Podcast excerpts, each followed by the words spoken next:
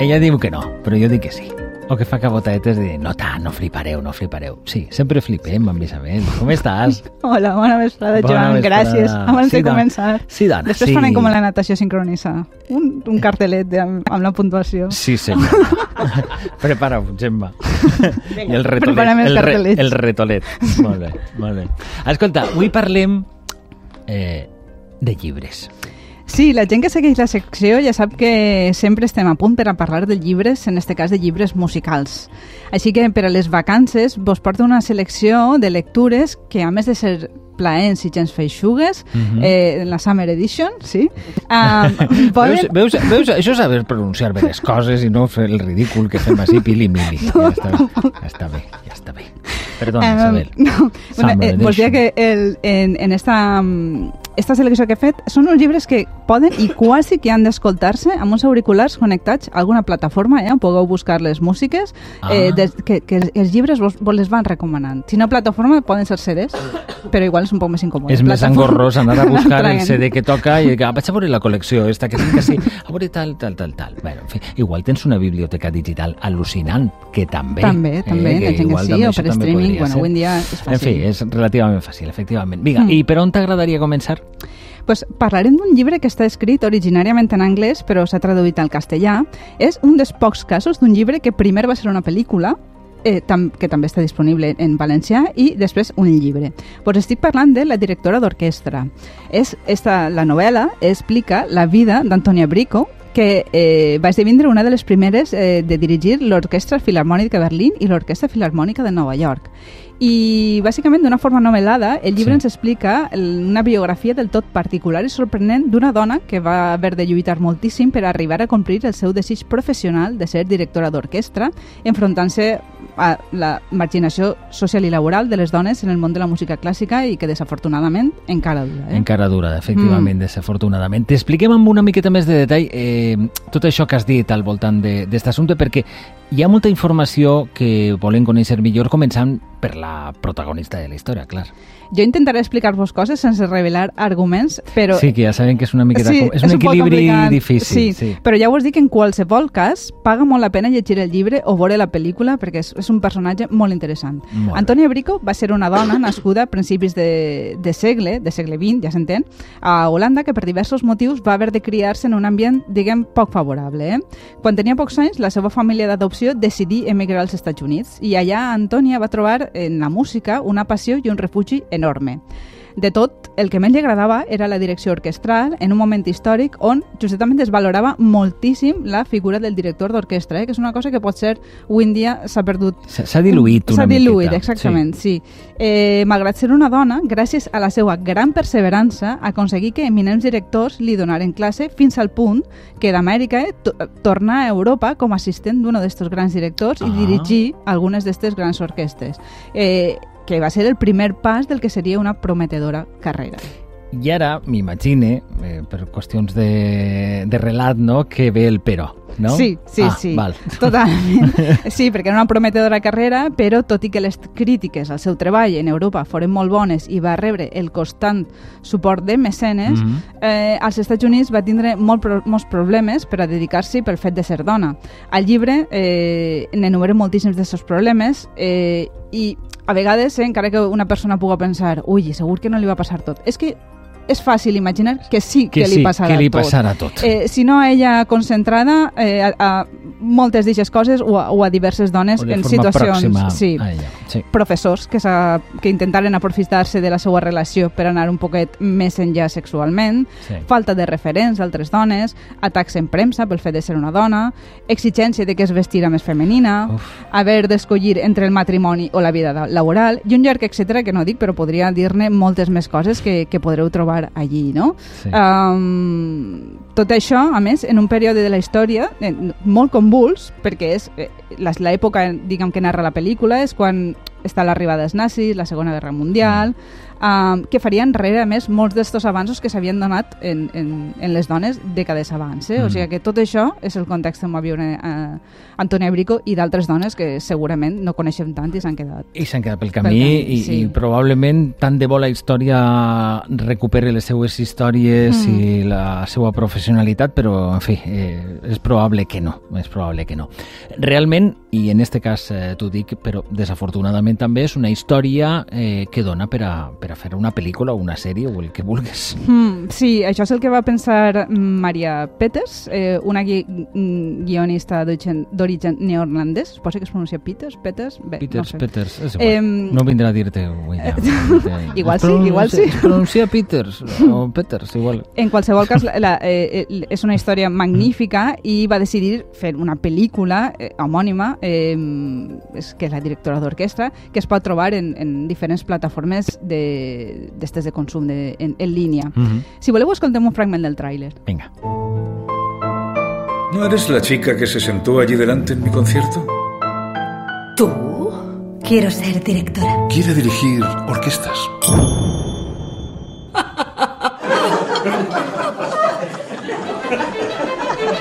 ¿Sabes quién es? Frank Thompson, uno de los más importantes gestores de conciertos. Me basta con que me deje en paz. ¿Desde cuándo pasa esto? ¿Prueba de admisión? ¿Para el conservatorio? ¿Cuánto hace que nos mientes? Las mujeres no llegan a directoras, no pueden dirigir. Bé, eh... si teniu només un tastet d'alguns dels molts fils argumentals que va sí. que va tocar en la pel·lícula i, bueno, ja, ja ho hem sentit, eh? Mm, val dir que volia ser director d'orquestra i se li van riure. Se li van riure en la cara, bàsicament. Sí, sí. Per fer de ser dona, eh? perquè evidentment hi havia molts directors d'orquestra que, eren, que eren homes. Doncs gràcies a, a l'èxit que va tenir aquesta pel·lícula, l'autora es va animar a transformar-lo en llibre. Però cal dir, que també és molt interessant, que Maria Peters no va ser la primera que es fixà en la figura d'Antònia Brico, que la historiografia ens havia amagat, sinó que abans també Brico havia estat professora i una alumna seua, que era cantant de folk, un de nom Judy Collins, l'any 1974 ja en feu un documental. Ah. Es pot veure íntegre a YouTube, a més han com recuperat eh, trossos de la cinta que no s'escoltaven del tot bé, inclou llargues entrevistes a la directora i així com la possibilitat de veure-la dirigint i d'escoltar les indicacions que feia en un assaig. Jo us he portat un xicotet fragment, està en anglès, però se la va entenent. Sí. Sentim-la. Yes, I want to be sure that the strings are very, very soft here. Let's try it at B, Boston. B.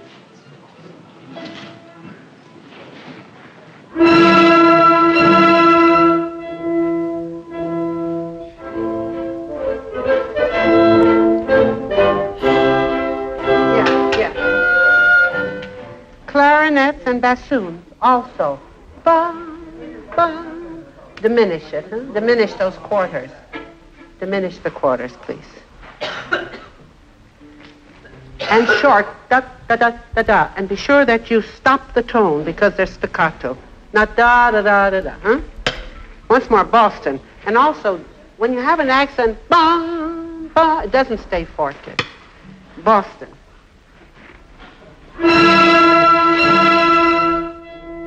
La veritat és que és, és una és... raresa, no?, trobar este, este document és, és una passada i, i poder-la escoltar, les indicacions que anava donant.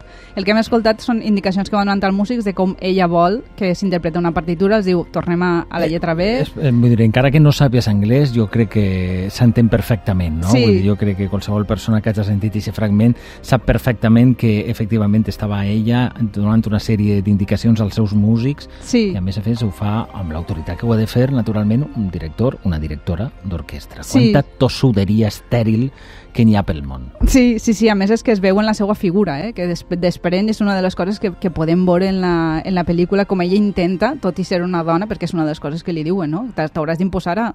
I és un dels sí, problemes que té. sempre a... el doble examen, sempre mm. el doble, el triple sí, examen pel sí, fet sí. de ser una dona, en fi. Però bueno, ja m'he escoltat que fins i tot sense entendre la llengua i en un breu fragment podem saber Queda un poc, clar. intuir no? el, que, el que vol ella, sí, sí. Mm. Sí, eh, no, no sé si s'esmenten eh, eh, més obres al, al, al voltant de tot això, perquè a nosaltres ens has convençut. Sí, sí, sí. Eh, evidentment, el, el llibre està plagat de, de músiques que a ella li agraden, sobretot d'obres sinfòniques. Clar, ella vol ser directora d'orquestra i les obres sinfòniques són aquelles destinades a gran orquestra, no? Val. Sentia-ne, per exemple, una que a ella li fa gràcia perquè diu, mira, s'acaba de composar esta obra en esta ciutat d'un compositor també jove, no? I, i Sí. s'esmenta en el llibre perquè vos situeu en l'ambient en el que estava ella en Amèrica.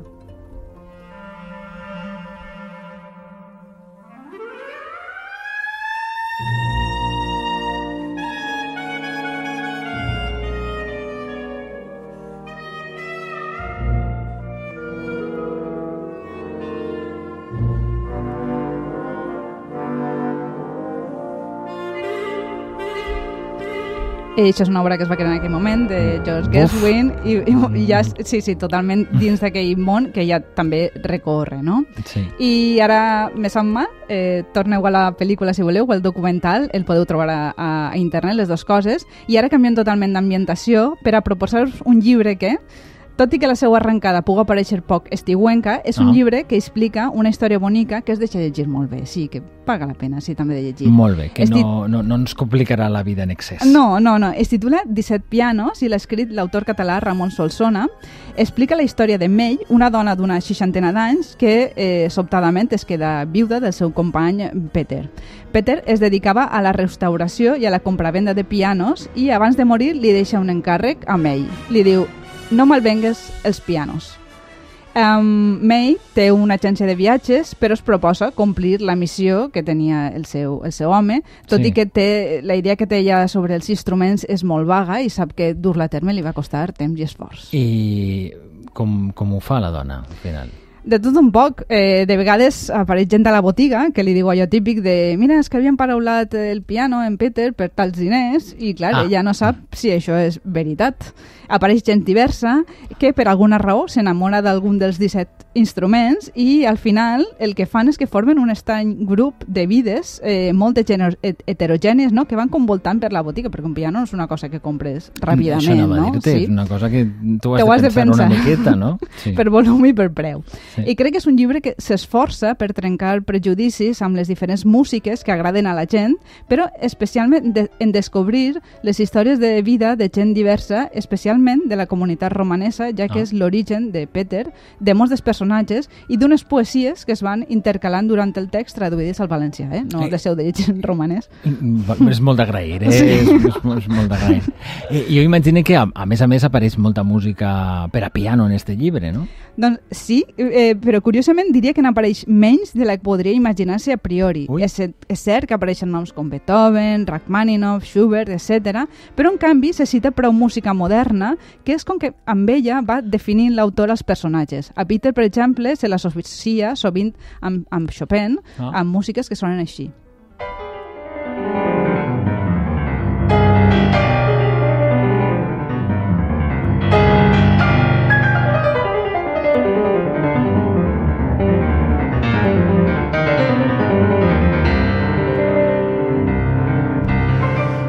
En canvi, per a May, la protagonista, fa servir com a recurs eh, repetir una tornada d'una cançó de Bruce Springsteen Ui. sí, per a animar-se en la seva comesa i tirar endavant de, des, després del fet trasbalsador que ha viscut, no? com per exemple este, esta tornada. My city of ruins. My city of ruins. Come on,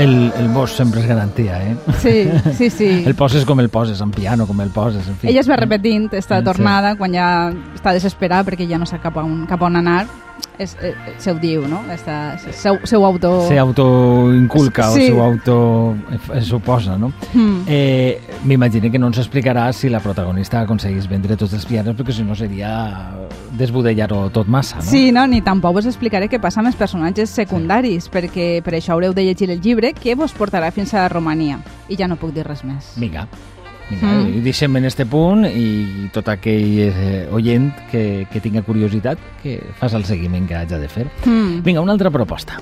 Doncs ara vos vull parlar d'un llibre amb un títol que sedueix irremeiablement i el títol és eh, Música, 5 puntos para hacer explotar un corazón. Ai, caram, tu, escolta, sí que és contundent, això. En este títol no pots, Sí, no, no, pots no, dir-li no, que no. No, no, no, és una Sí. cosa... Això, però on tirarà això? Sí, jo no vos vull revelar més sobre el títol perquè em pareix molt, molt ben trobat i bé, contar-vos que el llibre l'ha escrit Maitane Beaumont Arizaleta, que és una musicòloga i docent, que fa molts anys que fa divulgació musical, no només en conferències, sinó programant cicles per acostar la música clàssica al públic. I aquesta és la finalitat del llibre.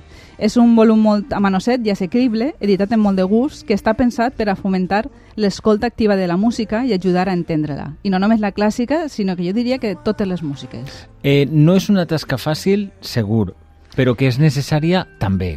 Sí, sí, perquè totalment. jo crec que tenim eh, molta desconnexió. No, no, no sabem realment, moltes persones, òbviament, ja, ja que sí, no?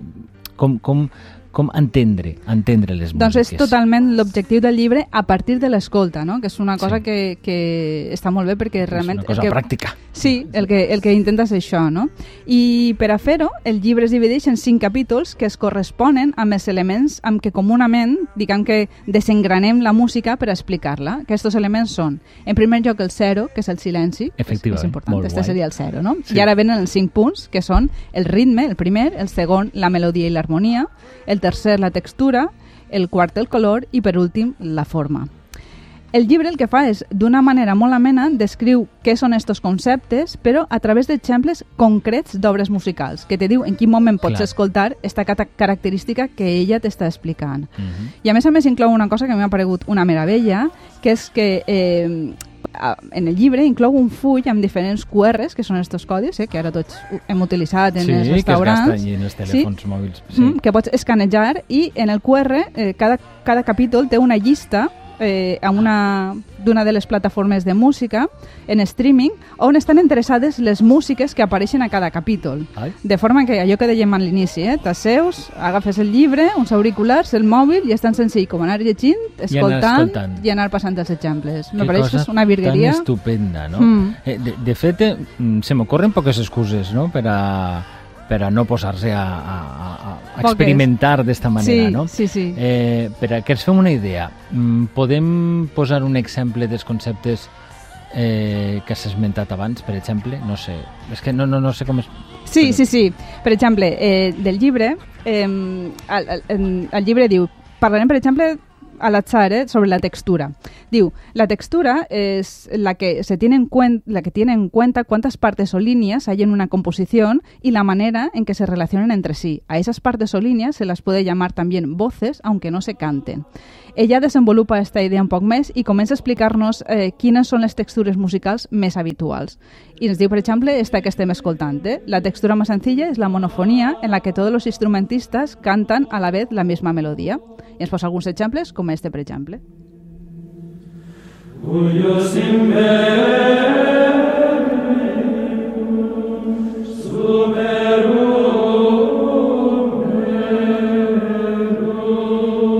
seria la monofonia, no? Sí, sí, que sí. tots canten alhora. Sí, eh, de tota manera, no només posa exemples tan clàssics, eh, també posa exemples eh, d'altres músiques per explicar este concepte i més avant també ens parla d'una altra textura, que és l'homofonia, que succeeix quan, si té las diferentes voces o partes melòdiques suenan de un modo simultáneo y con un ritmo igual o muy similar. I ens posa també exemples. Pues em posa una ara de música moderna per a que vegeu. Oh. just fantasy.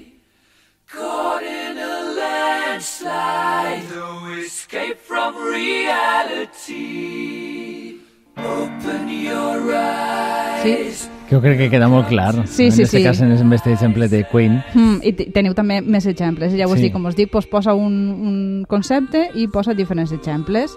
I per a que vegeu que em posa més, ara vos posaré del, del mateix tipus de textura un exemple clàssic.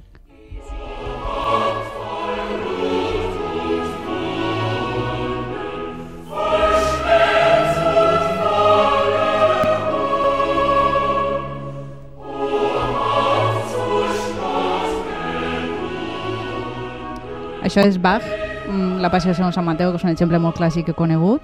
I res, animar-vos a que, a que el llegiu perquè aprendreu moltíssimes coses Veus? i veureu la música d'una altra forma. Llegir i sentir música, sentir música i llegir, dos activitats que se poden dur a terme de forma simultània eh? i aprendre'n una de l'altra i l'altra de l'una. Veus com sí que era un viatge flipant? Sí, Isabel. Isabel Gràcies, Ferrer. moltes Moltes gràcies a gràcies. tu. A vosaltres. per haver-nos acompanyat. Un abraçot enorme. Una abraçada, gràcies. Adéu, adéu, adéu, adéu. Bon estiu.